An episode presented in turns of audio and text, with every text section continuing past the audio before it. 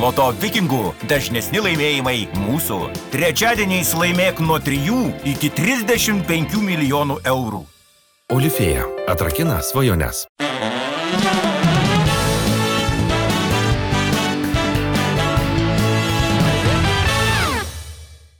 Laikykitės ten e, pokalbiai. Šį vakarą filmuojami Vilniuje, čia, Islandijos gatvėje, kur vyksta renginys. Tarkime, ačiū. Islandijai ir apie Islandiją, apie keliones, apie nuotikius. Pasikalbėsime su tikrai vienu žymiausiu Lietuvos e, keliautoju. Kviečiu plojimais pasitikti Vytaras Radzevičius. Sveikas, Vytaras. Prašau. Vytarai, šiemet labai pačiam svarbus metai. 50 sukėjo. Kiek jau kartų girdėjai dainą 50 metų, tai visai mažai. Ja girdėdavau vaikystėje, dabar kažkaip niekas nebedainuoja. Tai... Niekas nesudainavo nei vienos niekas. dainos? Ne, arba aš neatsimenu, žinai, kaip būna. A, jeigu gerai, na nu, taip, jeigu gerai šventi, tai aišku, gali ir neatsiminti. Ar šiaip turi susidaręs nu, vat, žmonės, kurie kartais įžengia į tą šeštąjį dešimtmetį, kaip baisiai tai neskambėtų, jie jau turi pasidarę tokį vadinamąjį bucket listą. Tu turi savo tą dalykus, kuriuos reikia padaryti iki mirštant. Esi padaręs savo Ne, bucket taip listą? toli dar negalvoju. Dabar pirmas mano ir didžiausias uždavinys yra, kaip sugalvot, kad nieko nereiktų dirbti ir pinigų būtų.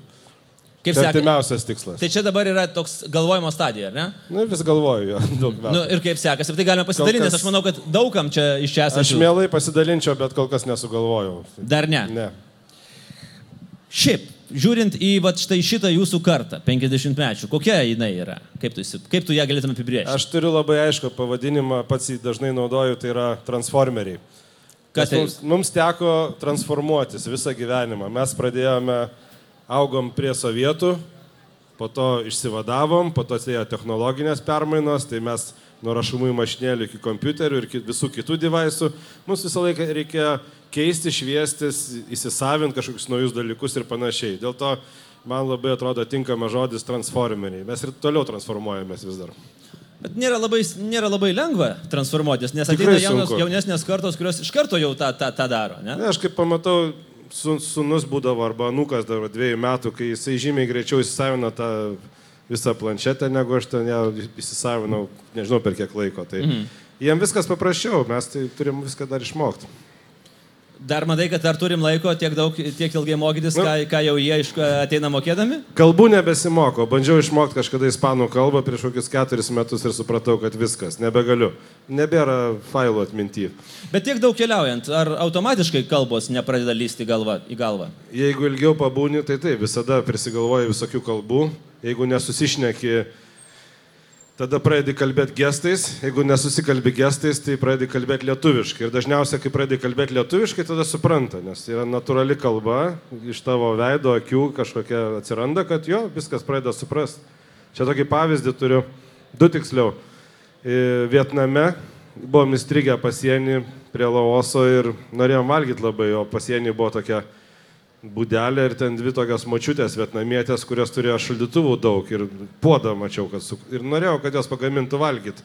Atsisėdo Martynas, ten mūsų visa filmavimo grupė, aš įsiveržiau į tą virtuvę ir rodau, duokit valgyti. Ir jos, ką tau duoti? Nu, tada aš sakau, nu, gerai, einam. Atidariau vieną šaldytuvą, sakau, šitą, kitą atidariau šitą, trečią atidariau šitą. Sakau, supratot jos? Nu, tai aišku, supratom. Ir atėjau pas saviškius, atsisėdau. Tie klausia, ką užsakei. Aš sakau, pamatysit, nes nu realiai aš nežinau, ką užsakiau. Ir po to jau, kai atnešė pavalgyti, viskas skaniai gavosi, sakau, matai, gerai užsakiau, gerai. Tai toksai vienas susikalbėjimas, kitas Turkijoje, aukštai kalnuose.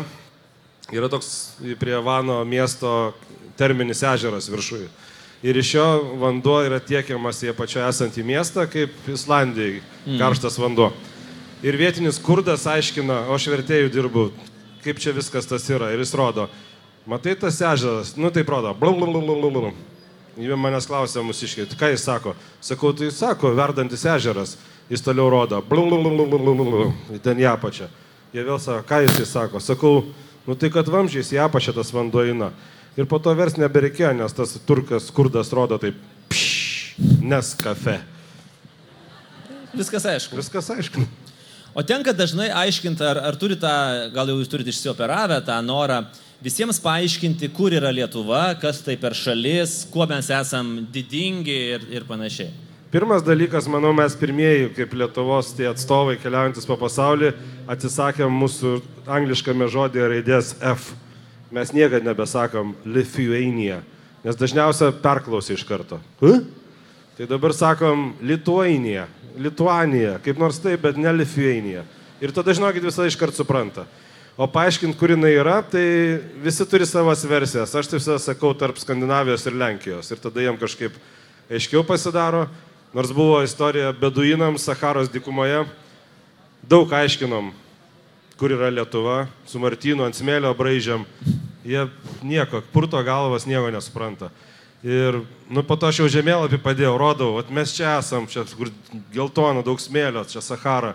Jie taip, mhm. O Lietuva čia žalia, čia truputį mėlyna, labai gražu. Ir jie taip žiūri tokiam akim ir staiga, vai, vai, vai, tai čia net už Saharos kažkur.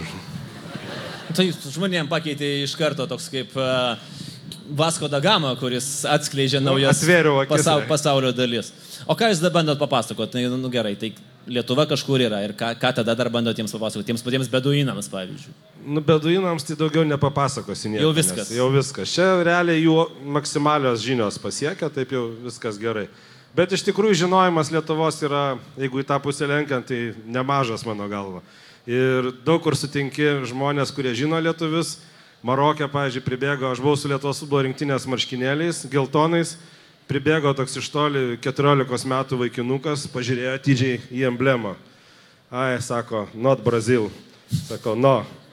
O po to jisai sako, Lietuanija, Židrūnas Saviskas, strongest man in the world. Ir taip parodė. Realiai, nu, iš, ištarė gražiai pavardę, vardą, viskas ok.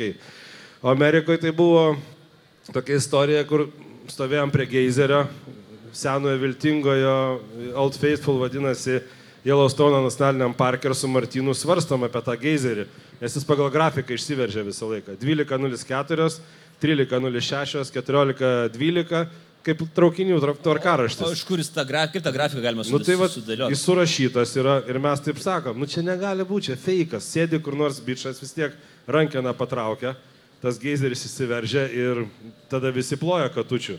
Ir taip mes svarstom už mūsų toks mūstas amerikietis, toks nemažas. Ir taip staiga klausia, hey guys, are you from Lithuania? Mes taip atsisukom, nu taip, o tu iš kur supratai? Sako, jis taip išdidžiai sustojo. Arvidas Sabonis, I'm from Portland, Portland Trail Blazers. Nu mes gerai, okei, okay. sakom, tai tau užtenka, kad Sabonis žaidė Portlandė ir tu jau lietuvių kalbą supranti? Sako, jo, suprantu. Nes jūs visą laiką tą patį žodį kartuojat, kaip sabas rungtyniaudamas. Aš ar tiek štelė sėdėjau, aš jį girdėjau tą lietuvišką žodį. Mes sakom, kokį žodį? Jis sako, ble.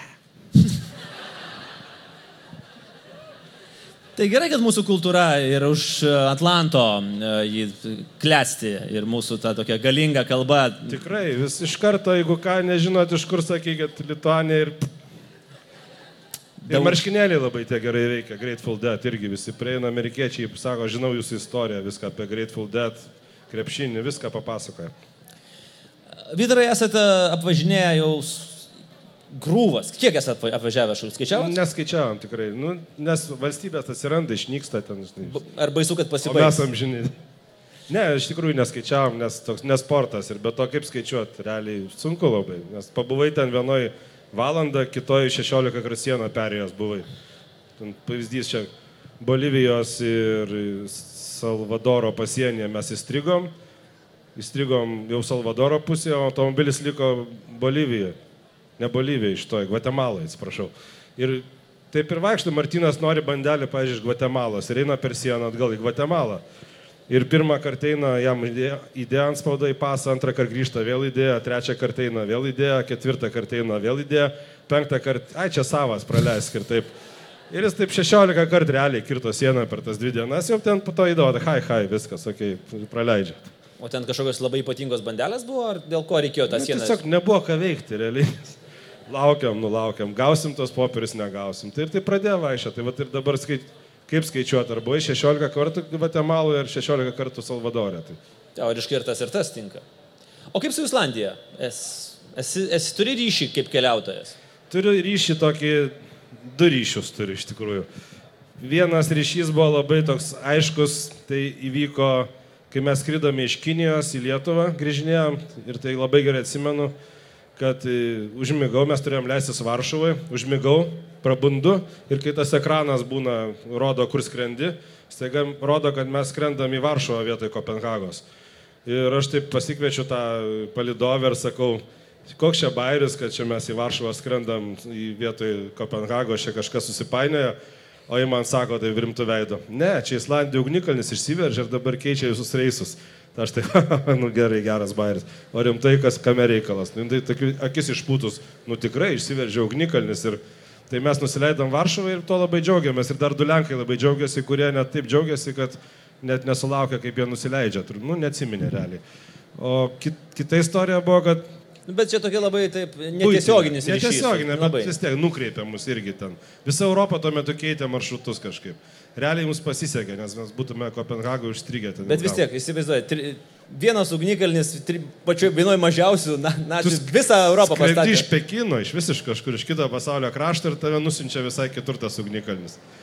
O kita istorija, tai kai buvo 15 metų, kaip Islandija pripažino Lietuvą, mes skrydom, organizavimas tokią kelionę į Islandiją padėkoti už tą pripažinimą ir sužaisti futbolo rungtynės prelegentai su Islandų futbolininkais mėgėjais. Ir taip gavosi, kad e, čarterį išsinuomavom iš ukrainiečių avia kompanijos, atskrendam į Reikjaviką, į tą oro uostą, nusileidžiam, išlipam iš lėktuvo, ateinam prie, žodžiu, tų vartų į šalį ir ant jų kabo tokia spina, užakinta, žodžiu, neįleidžia niekas. Mes taip žiūrim, judinam tą, nu niekas neįleidžia. Ir taip žiūrim per stiklą, nieko, ne vieno žmogaus nesimato, jokio pareigūno nieko. To pamatėm, kad kamera yra, ten kažką rodo. Visi prieš tą kamerą ten pradėjo mojuotis visai, po to tie kažkoks dėdė atrakino Islandiją ir mus įleido. Ten už tai, kad jį sutrikdė, matytis dar nutarė keli žmonės patikrinti, jokingiausia, kad patikrino pataikė kažkokiu būdu ten iš trimito orkestro, man atrodo, buvo žmogus, kuris vežėsi dešros. Ir būtent jį pagavo, tai atėmė tą dešą, gal ten baudą davė, aš neatsimenu. Po to atvažiavom į Reikjaviko centrą, apsigyvenom palapinėse ir po to buvo labai geras laikas, nes futbolininkų, kurie žaistų su mumis neatsirado, bet atsirado rankininkai, kurie su mumis žaidė futbolą. Nes nu, visi futbolininkai yra rinktinė. Jo, tai visi rinktiniai, ten laisvų suskaičiavom. nėra, žinai. Ir tai mes labai sunkiai su jais žaidėm, bet laimėjom po baudinių serijos. Tai ir buvo smagu. Vytaras ne vieną protmušį apie Islandiją e, organizavęs. E, Kokie vis dėlto yra keiščiausi dalykai, kuriuos mes turėtume žinot apie Islandiją? Tai tu juos beveik visus suminėjai. Ten tas ypač įdomus man buvo atradimas kažkada e, salose, kad tas giminystės nustatymas, kai vaikinas su mergina sustinka, įsijungia apsus, ten suveda per Bluetooth ar kaip ir jiem pasako, ar jie giminės ar ne. Ir tada gali bučiuotis ar ne. Tai tokie. Tas labai pasirodė įdomus. O šiaip apie Islandiją. Bet tai gerai, o kaip- tai veikia iš tikrųjų? Tai jeigu ten užsidega raudona lemputė, tai viskas, ar ne? Nu, ta prasme, paspaudė rankas. Nu čia jau toliau jų pasirinkimo reikalas, aš nežinau. Nu, bet greičiausiai, kad paspaudė rankas esmė, skirstaisi. Tie vaikinukai, jeigu gerai pamenu, trys jauni žmonės tai gavo ten didžiulę premiją už tą išradimą, už tą appsą, nes Islandija iš tikrųjų tai aktualu kaip ir visom salų valstybėm, ten Airijai, tarkim, ir, ir, ir visur kitur. Tai iš tiesų tas žiauriai įdomus dalykas. Kitas įdomus dalykas yra, kaip garsus šefas Gordonas buvo atvažiavęs į Islandiją ir sukėlė skandalą, nes per Anglijos televiziją kažkuria parodė. Ten tie yra delikatesai, tokie lietuviškai mormonai vadinami paukščiai, o angliškai pufinai, tokie spalvingi. Jokingi labai. Jokingi. Tai Gordonas to Islandu ten juos gaudė ant to skardžio, jie ten vietoj gyvus dorojo ir žalę širdį valgė. Ir visą tą parodė per, tie, nes tai yra Islandų delikatesas. Bet būtent gyva. Jo, širdis. tai nužalė visiškai, širdį išplėšė. Ir, ir tas sukėlė didžiulį skandalą, po to jis ten net atsiprašinėjo. Tai bet kur sukėlė skandalą Islandijoje? Anglijoje. Ai, Islandijai tai vienodai Islandijoj švietė tai taip, nes jų, jų delikatesas. Po to, va, tu pasakoji apie tą menkių karą, tai dar pridėsiu tokį įdomą, įdomią aplinkybę, kad e, jie tai ne tik, kad neturėjo karo laivų Islandai, bet jie dar pas save ten susivyrino meistriukai kažkokį daiktą, kurį kabindavo prie tralo ir kuris perplakdavo per anglų tralo velkamą tralą ir nukirzdavo tą tralą. Tai realiai buvo kovinis veiksmas. ir jie nuplėždavo tos anglų tinklus ir tokiu būdu, nepaisant to, kad saugodavo ten anglų fregatai, karinis jūrų laivynas, jie vis tiek sugebėdavo tos tralus nuplėšti ir jie tą karą laimėjo iš tikrųjų. Gal teko domėtis, kokia buvo Britanijos reakcija į šitos dalykus, nes čia turbūt yra nu, vienas liūdnesnių šlovingo laivyno istorijų. Tokio giliai ne, bet žinau, radau labai daug, kad pirmi puslapiai būdavo rašomi. Realiai tai buvo nušviečiama kaip karo įvykiai Atlanto vandeninė tarp dviejų valstybių, kur ten visi iš pradžių juokėsi, po to nebesijuokė, nes ten ir sužeistų liktai buvo keli žmonės. Nes kai susidūrė kažkuris ten tralas su kažkuo tai ir nukentėjo, žuvus, ačiū Dievui, nebuvo, bet karas vyko, Islandai laimėjo, iškovojo savo ekonominius teritorinius vandenis ir jie po šiai dienai džiaugiasi. Čia panašiai, kai mes su Latvijais kariavom, manau, kai jau keulių karas buvo, tik tai ne taip gal, be technikos. Nesugebėjom surasti gero tralo, kuris... Nenukirtom ten nieko. Nukirtinėt. Man tai dar labai įdomus tas faktas, kad e, daugiau nei pusė žmonių nuoširdžiai tiki, kad egzistuoja elfai. Ir e, vat, man dabar pasakoja vietinę istoriją, kuri visai neseniai įvyko, kad e, Islandai tiesia naują kelią ir sustojo, nes kelias eina per tą vietą, kur stovi kažkoks akmuo ir to akmens negalima liesti, nes jis yra elfų bažnyčia. Ir viskas, ir, ir, ir stoja, ir net nu, nėra minties, kad jie galėtų tą akmenį nu, ten greuti ar dar kažką padaryti. Nu, ten realiai jie tiki jais, nes nu, tiesiog tie troliai yra ir nieko nepaneigsi. Ir jeigu kelią tiesia, reikia apie tą trolių buveinę ir panašiai. Tai jie išsikvietė e, tą statybos kompaniją, nu, ten jų vietinė mitnyje, ar ten, ar nežinau, panevežio keliai, išsikvietė kažkokią seną, seną žiniuonę, kuri moka su jais kalbėtis. Ir jinai nuėjo ir jos elfus... Sutvarkė reikalus. įti- Jo, kaip diplomatas tarp elfų ir žmonių, jinai juos įtikinėjo, kad nu, gal jūs galėtumėt perkelti bažnyčią, jeigu nu, kokį kilometrą į šoną, tai mes ten tada dar kažkokiu ten nu, bonusų duotume, ten paukotume kažką ten jums ir panašiai. Ir tada grįžo ir sakė kelininkams, jo, elfai leido, gali tą kelią išsinešti. Dar apie keliones. E, e, Vytarai, kokie, kokia buvo apskritai paties pirma kelionė, kurią atsimeni? Dar vaikas būdamas turbūt, nes kiekvienas mes turim savo vaikystės kažkokią tokią topinę kelionę. Aš atsimenu, ten mano buvo į, į Kaukazą, to čia buvo ohoho kokia kelionė, o kokia tavo buvo pati pirmoji? Ne, mano taip toli gal nebuvo, aš iškart vat, pabandžiau prisiminti, prisimenu, mano tėtis e, mane pasiemė mažą, nežinau, kokių šešių, septynių metų plaukti baidare, mes čia Vilniuje gyvenam, nuvažiavam iki Nemenčinės tilto, ten susirinkom baidarę ir grįžom iki Žirmūnų ir man tai buvo tokia, ir dar šunį buvom pasiemę. Ir tai man ta kelionė, kaip per Jėvas plaukiam, ten buvo kažkas, aš po šiai dienai prisimenu ir tai buvo didžiulis įspūdis. Ir po to taip kiekvienais metais tai aš mane imdavo žvejoti, kažkur keliauti, tėtis buvo geologas ir po visokias ekspedicijas veždavosi palapinėse mėgodu. Aš pamėgau ir pratau ir tas krauja kažkaip išliko visą laiką. Tai. Kiek žinau, dar esat vaikystėje ir iš Kupiškio sugebėjęs lėktuvu į Vilnių atskristi. Daug kas to netiki, bet Aš tai netikiu absoliučiai. nu. bičiuliai, iš tikrųjų tai yra rimtas faktas, kad aš dar pridursiu, čia dar labiau netikėsit, kad skrydis trukdavo iš Kupiškio į Vilnių su kukurūzniku apie valandą kažkur, gal 45 minutės. Ir kainavo pigiau negu važiuoti autobusu. Ir kartais, kai ten užtrukdavom Kupiškis su tėvais ar ką, tai nueidavom į tą aerodromą, ten nustatytų laikų, kaip irgi pagal tvarkaraštį nusiperki bilietą, tada iš tos būdelės kartu su lakūna eini per pievą tokią iki to lėktuvo, tau nuleidžia tą trapą, ten sulipa visi, iškart išdalina maišelius tokius tam tikram tikslui, nes, Nes man, labai- labai man jų labai reikėdavo. Labai turbulencija baisi, ar ne? Žiauri ten kilometrą aukštis skrenda ir va tai visą laiką ir ta karvė tai arčiau, tai toliau ten apačioje viskas. Ir... Tai aš ten svorį mesdavau, dar tada kūdas buvo, bet vis tiek man krisdavo. Ir... Bet būdavo labai įdomu ir tas toks išlikęs. pris- Po to atskrendi į Vilniaus oro uostą dabartinį, tas kukuruznikas kažkur ten taip brrr, privažiuoja, vėl išlipi, eini į tos dabartinius, kur tas pastatas pestute ateini, viskas, baigėsi kelionė. Ir, ir per visą viestą realiai užtrukdavo ilgiau grįžti į Žirmūnus iš oro uosto, negu atskristi iš Kupiškio į Vilnių. Du kartus skridau. Bet klausyk, aš dabar pagalvoju, nes man atrodo ir Rogiškė buvo oro uostas. Ir, ir jie, mes neseniai filmavom Rogiškė ir jie labai didžiuojasi šito faktu, kad jie turėjo reisinį skrydį Rogiškis Vilnius. Būtų puikiai idėja kelionėms po Lietuvą atgaivinti šitą skrydį. Manau, kad būtų daug norinčių išbandyti.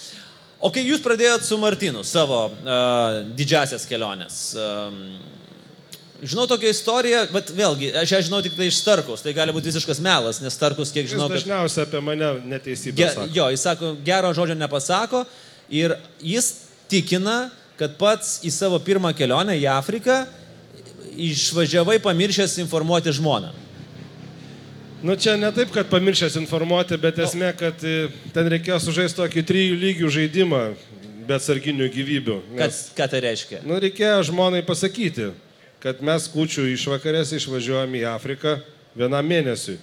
Ir tai aš tą visai tempiau gumą, aš tą bijojau pasakyti. Nu, nu, Tai, bet, o, nu, ko čia, o ko čia bijoti? nu, Ateini ne- ir pasakai, mėla mano, aš išvažiuoju mėnesiu į Afriką, Aha. nepyk. Sakys, o vaikai, o ūkis, o malkos ir visa kita ir nu neišleis. Tai ir tai panašiai beveik ir buvo. Nes kaip ten pradėjau sakyti, ankstyvas rytas buvo, sakau, važiuoju į Afriką. Tai liktai nieko priebė, nes galvoju, gal tą Afriką kažkur arčiau prie kedainių. Po to klausė, kada grįši, sakau, po mėnesio. Tai ir tą taip kažkaip išleidau ir tada aš jau išlėkiau ir išvažiavau, bet po to tokia sąlyga pas mus būdavo visą laiką, kad jeigu aš kažkur išvažiuoju, tai aš turėjau užupį gyvenau, tada prikapot malkų, nes krosnelė kūrenam. Ir aš ten tų dešimt kubų buvau priruošęs malkų pilna, nerealiai viskas ir skambina jau, kai mes važiuojam link Afrikos, Ispanijoje, ten prie Gibraltaro. 2006 metai ten roamingas kainavo, tada atsiliepė, žinai, visos padangos atsarginė, kaip nebūta. Nu ir galvoju, atsiliep, neatsiliep, bet žmona skambina, gal pasilgo, atsiliepiu. Ir taip, aš taip meiliai atsiliepiu, taip piktai. Išvažiavai, palikai čia mus šalti sausio mėnesį, be malkų, be nieko, sakau, taigi pilna tų malkų. Neatsirakina tas tavo sandėliukas. Sakau, tik švogerio prašyk, prašyk ten kaimyno viską. Tuos pasikvietė irgi rakina, neatsirakina vis tiek. Ten skambinėjo mes ilgai, po to sakau, laužkit, laužkit tą spyną, viskas. Gal neištampys tų malkų. Ir dingo, žinok, mėnesį nei vieno skambučio. Galvojau, kad išsiskyrėm jau. žinai. Grįžtu po mėnesio, iš oro uosto atvažiuoju, žmona pasitinka virtuviai. O, grįžai, sako. Sakau, grįžau. Ir antras, žinai, koks sakinys buvo? Atneš malkų. Nu, na, na šitą sandėliuką, ten pripustytą sniego, viską. Žiūriu, tako jokio net nėra iki tų malkų. Spina kaip kabėjo, taip kabo. Grįžtu, aš sakau, einam parodyk, kur mūsų malkinė. Ir nuvedė tiesiai prie kaimyno. Mėnesį kūrenas svetimo malkom. O ką kaimynas? Nieko. Ir po šiai dienai kūrenas, jeigu gyventume dar žinai. Bet... Ir malko atsirasdavo kažkaip. Nu, viskas. Bet, Vytarai, aš suprantu, kad toksai va, tas vadinamasis trijų lygių žaidimas išvažiuoti su draugu, palikus savo geresnėje pusę su malkom arba be malkų, jisai gali vieną kartą sužaisti. Nu, nu, gali pasisekti, loterijoje visi mes laimim, kartais, kartais kampus laimim. O gerai, o kaip antrą kartą? O kaip trečią kartą? O po to jau kartą pabandęs negali sustoti. Tai tu tai negali sustoti, o Aš žmona tai irgi tokį sukūrė projektą, jo su draugiam, po to nuskrido į Maroką, išsinamavo automobilį ir keliavo tokiu pačiu būdu. Ir kai pabandė taip keliauti, kur nori važiuoji, kur nori sustoji, viskas kitaip nebekeliauji ir taip kiekvienais metais kažkur išvažiuoja. Bet jūs atskirai keliaujat. Jo, atskirai. kitam netrukdot. O čia naktį pirmą kartą keliausim kartu Kur? į Menorką. Tada visi klausė, Maljorka? Sakau, ne, į Menorką, tai šalia. tai mes tokią šeimos darom atostogas pirmą kartą. Aš žinau, kaip bus sunku, aš labai jaudinuosi iš tikrųjų. Aš įpratęs prie Starkaus ten tų visų bairių, visą, bet kaip žmona elgsis kelionė, aš, man sunku įsivaizduoti. Čia toks neprognozuojamas visiškai dalykas. Čia man jau penkių lygių žaidimas. Nu vis tiek, žinai, kai su svetimu žmogum pirmą kartą važiuoji, tai... Retai matomės viską ir taip. Nežinau, aš jos įpročių nieko įgeidžiu. Tai galima paprašyti, kad padarytų tokį sąrašiuką e, prieš išvažiuojant kaip apsa. Vat kaip Islandijoje yra, jie turi apsą dėl, dėl kraujo. Jūs turit apsą bendrom atostogom ir tu žiūri. Nepadės. Nepadės vis tiek? Pakeičia po to nuomonę. vis. Žiūri, kad kažkuri neveikia sistemėlė, tada perprogramuoja viską. To sako, taip ir buvo. O tu sakai, ne. Taigi aš tau sakau, kad tai buvo. Ar tu turi nusileisti visą laiką? Jeigu labai geras apsas, aš galvoju, gal kažkaip galėtų apeiti šitą tokį gliuką. Bet čia turėtų būti labai geras apsas. Va tikrai jau gautų žmonės prizus už tokius dalykus. Na, man reikia sūnaus prašyti, kad jis ten nulaužtų sistemą kažkaip. E, Vytarai, pabaigai. Paskutinė rimtoji kelionė buvo šiek tiek Kanados, ar ne, gabaliukas ir aukso ieškojot Aleskoje. Papasakoju, ką nors čia. Na, tai iš tikrųjų taip, Ne jūs ieškojot, nei ką, aišku. nu kaip neieškojom, radome tą auksą, bet nesivežėm. Ten auksą kiek nori, žinai, iš vakar kaip tik filmą baigiu žiūrėti Klondaiką serialą. Tai iš tikrųjų ten visur mėtosi auksas, tik nu, ne visi jo ieško. Bet jeigu rimtai, tai nu, nuostabi kelionė ir aš retai būnu toksai po kelionių užsivedęs, nes man ten žiauriai patiko. Ten vaikystės knygos, Džekas Londonas, aukso ieškotojai, ten Mhm. smokas belijų, ten visi tie White Horsai, slengščiai, skagvėjai, visi keliai tie A, tai jūs patys. ėjot šitais va, tokiais Jo, mes ten daug kur- smoko belijų ir mažylio maršrutais? Daug kur visiškai susigretinom, net kanoją ir klavom virš tų garsiųjų White Horsos lenkščių, kur ten daug vyrų užsilenkia, bet dabar ten yra užtvanka ir pakilęs vanduo, ir tas lenkščiai pavaniu atsidūrė. Bet vieta ta pati, ten nuotraukas pažiūri, tai toks šurpas neteina, žinai, ir iš tikrųjų nuostabi vieta ir ten nuotikių toks kraštas ir pašiai dienai ten gyvena tokių daug žmonių, kurie būtent stengiasi išlaikyti tą 19 šimtmečio dvasę kažkokią. Ir vienoje pusėje šautuvas, kitoje meškerė, nu atsirado saulės baterijos ant triobos ir, ir viskas, jis briedį nusišauna, metus valgo po to kitą. Nu, toksai harmoningas labai santykis. Ir žmonės įdomus, ten yra labai, tau nepatiks, aišku, bet Kodėl? toks, toks posakis, niekada nepasitikėk vyrais be barzdų. A, nepatiks. tai. Aleskoje, jo, ten iš karto. O taip kiti visi dalykai geri, tikrai. Kas mešką, labiausiai- mešką matėm. Kas labiausiai įstrigo? Meška? Meška. Labiau įstrigo pamokymas, kaip elgtis su meška. Nes gavom tokiam rangerių punkte, ten grizliai pasitaiko kartais vaikšto. Ir parašyta, kaip elgtis, kai pamatai grizlį. Punktais taip surašyta. Pirmas punktas.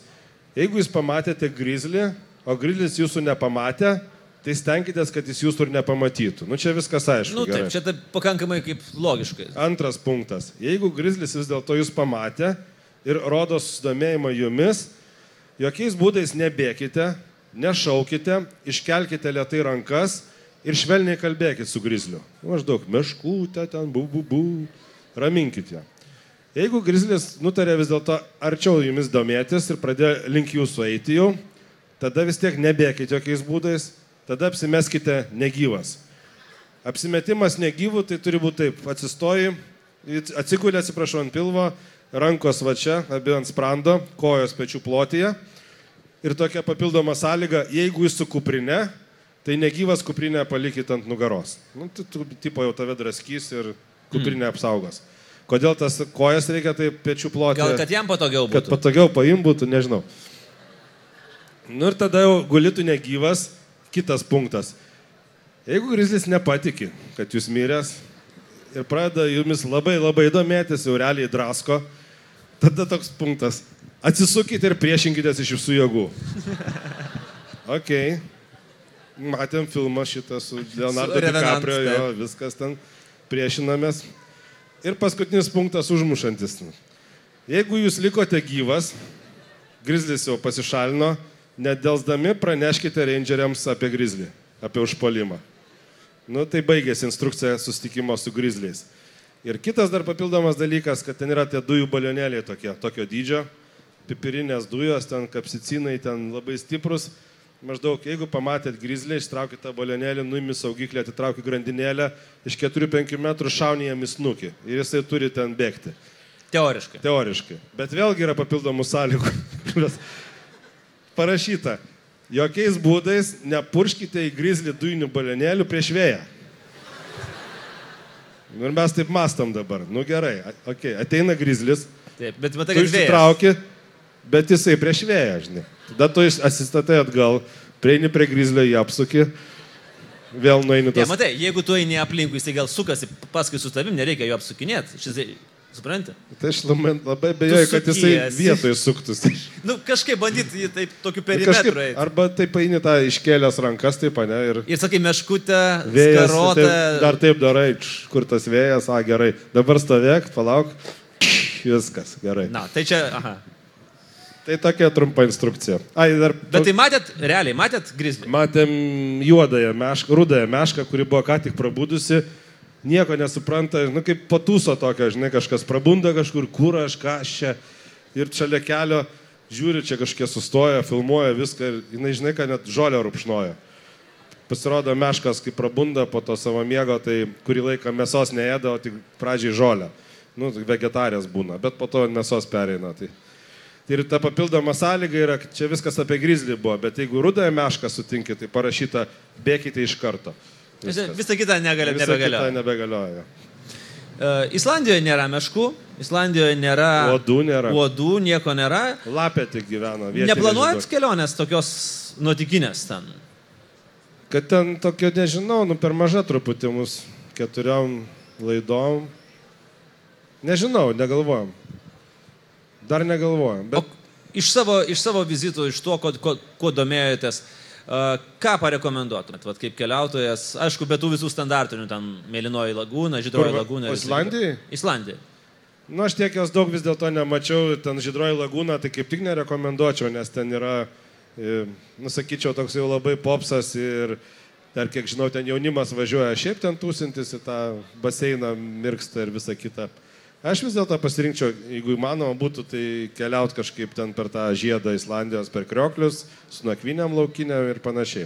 Ir kulinarinis dalykas irgi labai įdomus, ten tie ragavimai. Yra tas pūdytas reiklys, kurio aš siūlyčiau neragauti, bet yra ir kitų patiekalų. Aš ten pirmą kartą ragavau ir paskutinį kol kas banginio kepsnį, kas labai paliko įdomų įspūdį, nes skonis kažkur yra tarp, tarp jautienos ir žuvies, tai per vidurį, nesuprasi. Ryklio sriuba labai skani buvo ir valgyti reikia tokiuose uostuose, susirasti uostę kokią kuo nuošalesnę, atkampesnę vietą ir ten tokia plasmasinėse lėkštėse duoda tą maistą, bet jis tikrai labai geras. Tai turbūt belieka ir palinkėti tokios geros kelionės, galbūt ne, ne keturiom laidom, bet kad ir savo malonumui, nes, kaip suprantu, šita kelionė, kuri dabar jau jūsų laukia, tai čia bus vargas, jau vargas, vargas. Šita tai tikrai, aš, ne- čia išbandymų metas. Čia vat bus ta rimtoji kelionė su žmona nukeliauti į Ispanijos Jeigu po kurortą. savaitės negryšiu, tai žinokit, kur aš buvau. Ir- Taip. Ačiū, ponios ir ponai. Vytaras Radzevičius šį vakarą buvo su mumis. Ačiū. Ačiū, Vytarai.